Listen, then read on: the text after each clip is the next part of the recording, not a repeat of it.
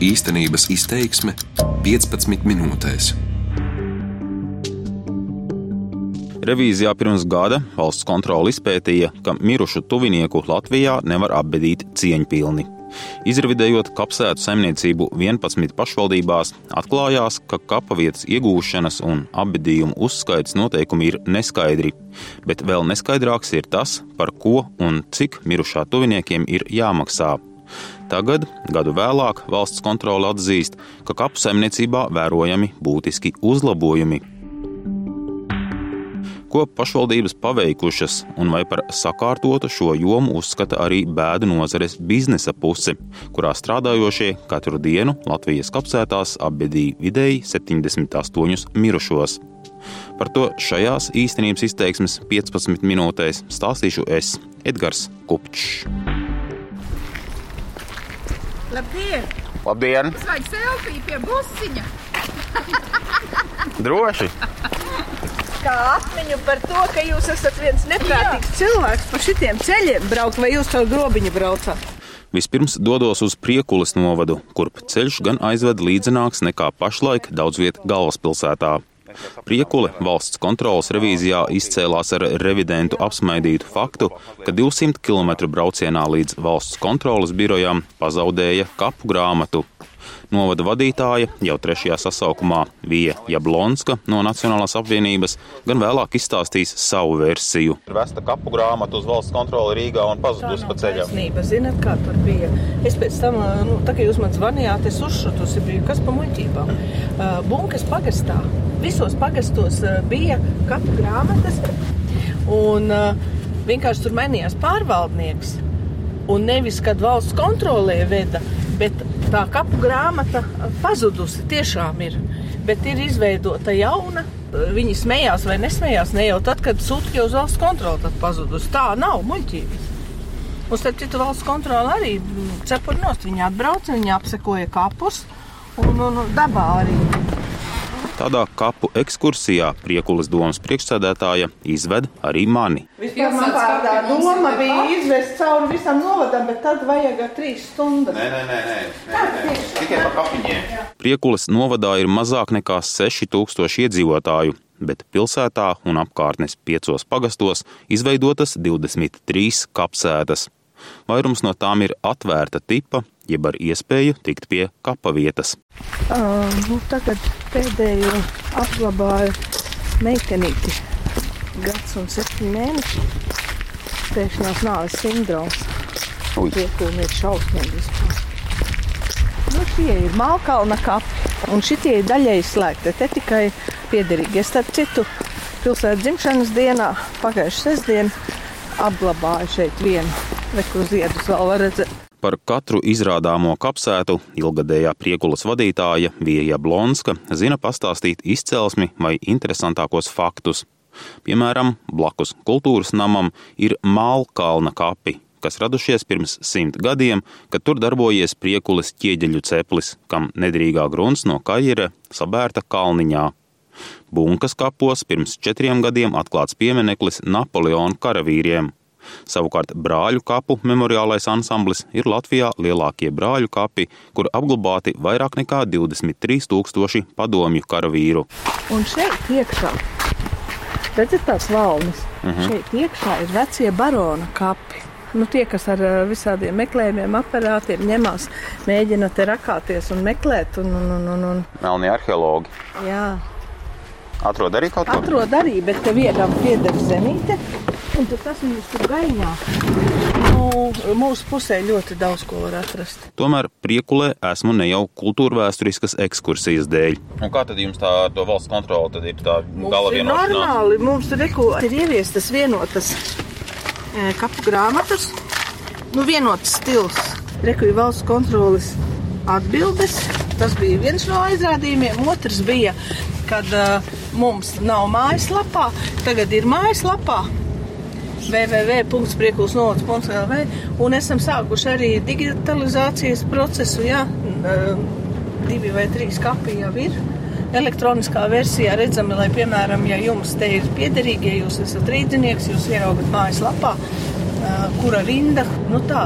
Un vienīgais, kas mums nav, ka mums attīstības programmā ir jāveic šīs izmaiņas, kas saistās ar kapiem. Bet tā kā mēs tagad strādājam, sākam strādāt jaunu teritoriālo plānojumu un arī attīstības programmā veicam dažādas izmaiņas, tad to mēs apsolījāmies, ka mēs līdz šī gada septembrim to izdarīsim. Tas ir vienīgais.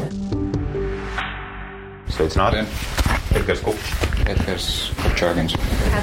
Ēna. Ļoti patīkami, Edgars Kupčāgins. No Priekulas novada esmu atgriezies Rīgā, lai no valsts kontrolas padomas locekļa Edgara Korčāgina par kapu revīziju pašvaldībās noskaidrotu divas lietas.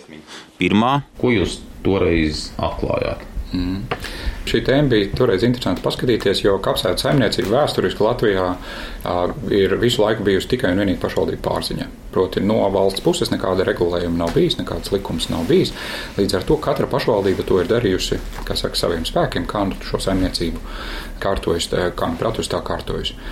Tas, ko mēs redzējām, ka būtiskākā lieta, kas ir saistīta ar apbedīto personu uzskaitu, tā lai būtu skaidrs, kurš cilvēks kurā vietā, kurā kapsētā ir apbedīts. Tātad tā bija lieta, kas kliboja, un tas bija tas, uz ko mēs vispirms jau vērsām pašvaldību uz, uz, uzmanību, ka ir jāsakārto abadīto personu uzskaitu, kapsētu plāni, tā lai cilvēki, kuri vēlas atrast kādu savu radinieku vai tuvinieku, kur viņš ir abadīts, to varētu ērti atrast. Nepilnības mirušo uzskaitē gan problēmas rada ne tikai nelaiķa tuviniekiem, bet krietni lielākas pašām pašvaldībām, kad tās plāno kapu paplašināšanu vai jaunu izveidi. Faktiski liekot kopā ciprus par jūrmalā pieejamajām kapavietām, mēs redzējām, ka to pietiek tikai vienam mēnesim. Un tad pašvaldība jau revīzijas laikā sāk steidzami risināt šo jautājumu. Revidenti arī atklāja, ka cilvēkiem liela neziņa draud bēdīgajā brīdī, kad jādomā par aizgājēja bērēm. Izrādījās, ka pašvaldības nav skaidri un atklāti norādījušas, kur un ko darīt, lai mirušo apbedītu. Nebūšanas atklājās arī pašās kapsētās, kur trūka soliņu, ūdens ņemšanas vietu un toalešu. Savukārt uz naudas iekasēšanu vietvaras izrādījušās visai naskas, nesteidzoties izskaidrot, par ko ir jāmaksā. Te mēs redzējām diezgan lielas variācijas no pašvaldības uz pašvaldību. Bija pašvaldības, kur vispār nekādas maksas nav noteikts, bija pašvaldības, kur ir noteikts trīs dažādas maksas par trīs dažādu veidu pakalpojumiem. Citur bija divas maksas par diviem pakalpojumiem. Proti, diezgan lielas variācijas, un uh, nevienmēr ir, vismaz mums no malas skatoties, bija skaidrs, par ko īsti ir konkrēti cilvēkam jāmaksā. Savukārt Jūrmālas doma revidentu uzmanības lokā nonāca ne tikai tāpēc, ka valsts kontrolas ieskatā kurortpilsētai draudēja palikšana bez vietas jauniem kapiem. Pirms pāris gadiem jau vēstīja par tiesību sarga biroju izpētīto un augstākās tiesas norādīto, ka Jurmala gadiem neīsta likumīgi iekasē nomas maksu par iedzīvotājiem iedalītajām kapa vietām - vienu eiro par katru kvadrātmetru gadā. Skaidrot šo un citas revidentu skartās lietas, Jūrmāls doma sūta savu revidenti. Rita Mēkšāne ir revīzijas un audita nodaļas vadītāja Jūrmāls pilsētas domē. Valsts kontrolas vizīti revidente Rīta Meikšāne sauc par produktīvu, jo saņemti labi ieteikumi, kā labāk par kapu lietām informēt iedzīvotājus un kā pašiem efektivizēt darbu. Šķēpus lauzuši arī par to, cik tiesiski prasa ikgadējo maksu. Šo lietu aizvadītajā piekdienā izskatīja satvērsmes tiesa. Lēmumu mēs gaidām februāra beigas, marta sākums, tad attiecīgi mēs arī koriģēsim savus iekšējos normatīvos aktus attiecībā uz šo jautājumu. Un par pārējiem ieteikumiem? Par pārējiem ieteikumiem ir tā, ka Rīga nekad nebūs gatava. Pareizāk būtu teikt tā, ka ir izdarītas pirmās lietas, kas mums ir norādītas, respektīvi. Mēs esam veikuši digitalizētu uzmērīšanu visās kapsētās, sākuši apsekot un identificējam um, tos apbedītos, kas varbūt neparādās kapu grāmatās līdz šim, bet ir identificējumi ap, apsekojot uz vietas. Toreiz liela problēma vai, vai atklājums bija tāds, ka izrādījās, ka nav ilgam laikam brīvu kapu vietu. Jā, arī šis jautājums mums ir sācis kustēties tādā ziņā, ka Dotajā brīdī ir apspriešanā šī detāla plānojuma skapiem. Protams, kā jebkurai lielai pilsētai, šis jautājums ir aktuāls un, man liekas, arī būs, jo, nu, diemžēl, cilvēki valstī vairāk mums aiziet nekā nāk no jauna. Bet pašlaik un tuvākajam laikam kapa vietu pietiks? Kapa vietu pietiks, jā, un, un, un par to var nesatraukties. Neviens vietas zemes nepaliks. Nē.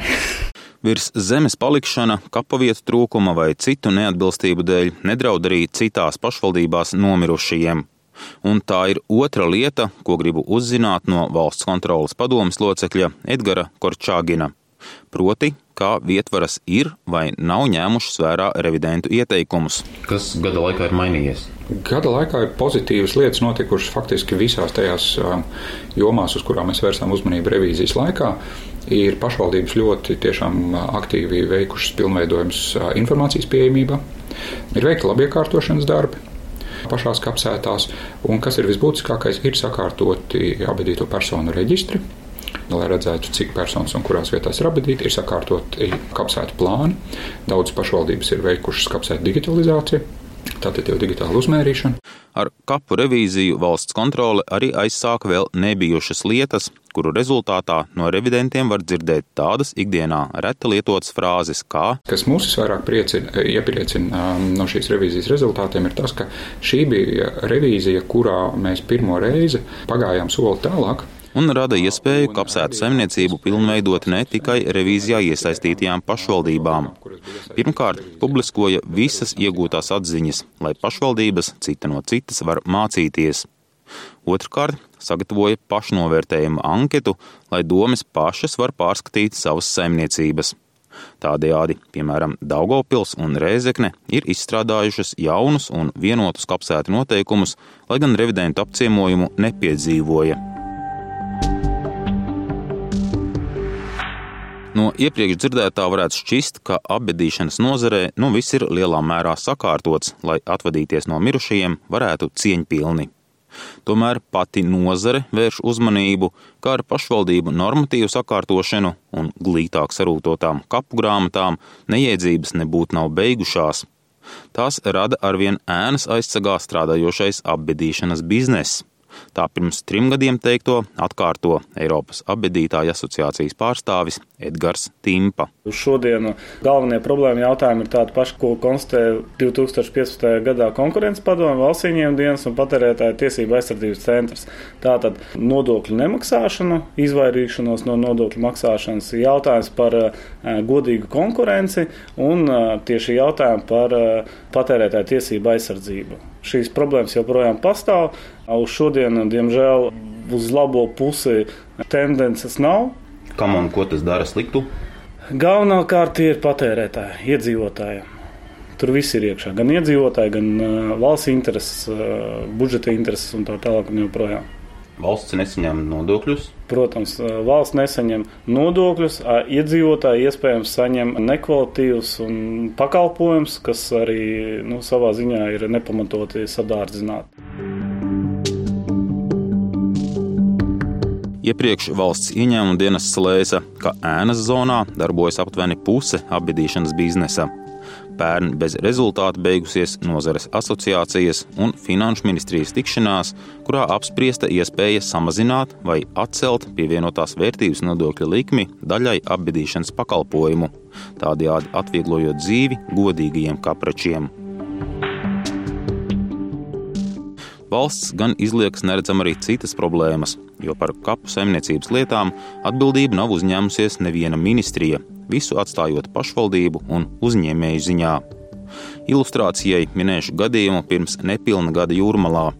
Tur apbedīšanas firma samainīja nelaiķus, un ģimene zemesklēpī guldīja svešu mirušo.